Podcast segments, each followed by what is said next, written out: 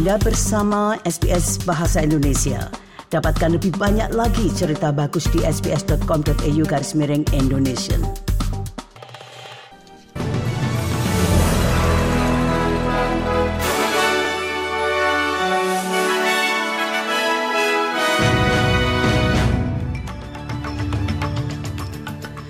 Warta berita SBS Audio untuk hari Rabu tanggal 3 Januari.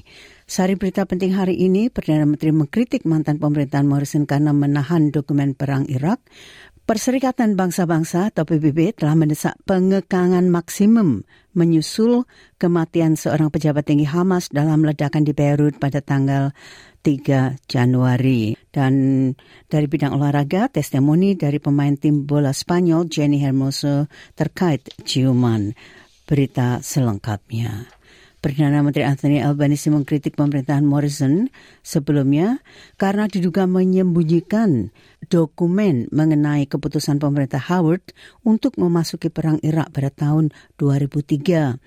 Hampir 80 dokumen pemerintah yang tidak diungkapkan kepada publik termasuk berkas mengenai pilihan untuk ikut serta dalam perang kontroversial tersebut ditinjau. Australians have a right to know the basis upon which Australia went to war in Iraq. Australians lost their lives during that conflict, and we know. Sebagian besar pantai timur Australia terus dilanda cuaca buruk yang mengarah ke selatan. Karena sudah menghadapi dampak cuaca buruk selama seminggu, wilayah tenggara Queensland menghadapi kemungkinan badai petir pada hari Rabu ini. Um, the hope was to have all power restored by the uh, 5th, which is this Friday. It may now be Saturday or Sunday. That's effectively because we lost a couple of days uh, due to wet weather. Um, what I will do. Perdana Menteri Albanisi mengatakan pemerintah federal sedang mempertimbangkan permintaan Ukraina untuk mengirimkan lebih banyak batu bara ke wilayah tersebut agar listrik tetap menyala selama musim dingin.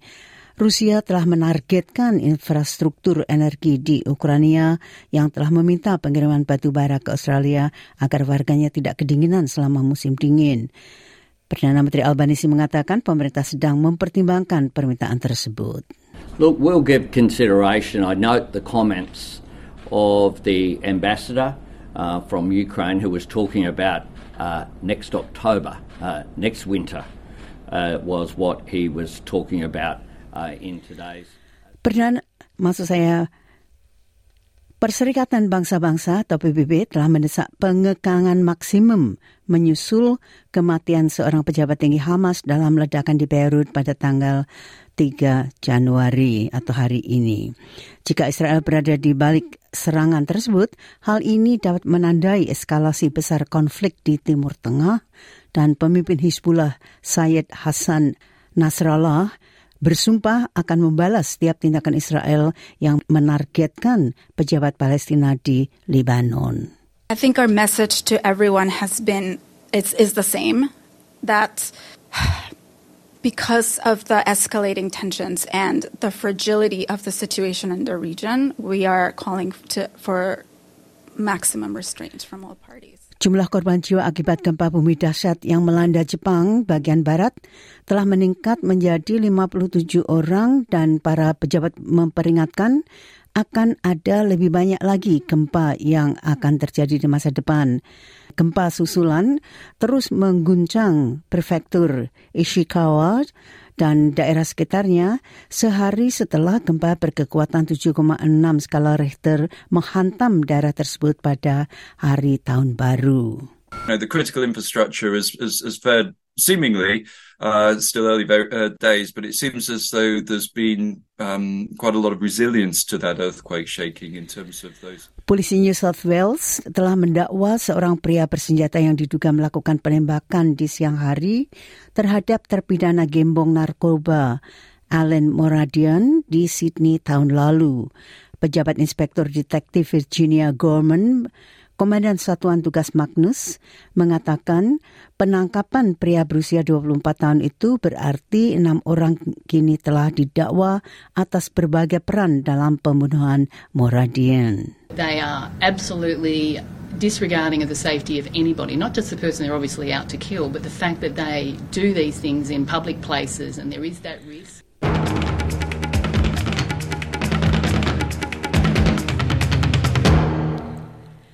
Anggota tim nasional sepak bola wanita Spanyol Jenny Hermoso telah bersaksi di pengadilan bahwa ciuman yang dilakukannya dan mantan Presiden Federasi Spanyol Luis Rubiales tidak dilakukan atas dasar suka sama suka.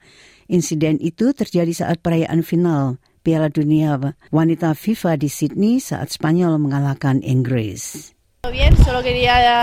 Everything went well. I just wanted to say Happy New Year. The judicial process will continue its course, and thanks for the support that many of you have given to me. I wish that.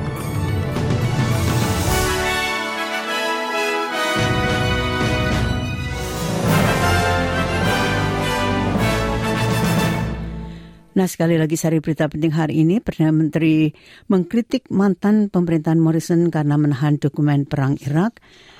PBB mendesak pengekangan maksimum menyusul kematian seorang pejabat tinggi Hamas dan dalam bidang olahraga, testimoni dari pemain tim bola Spanyol Jenny Hermoso terkait ciuman. Sekian warta berita SBS Audio untuk hari Rabu tanggal 3 Januari.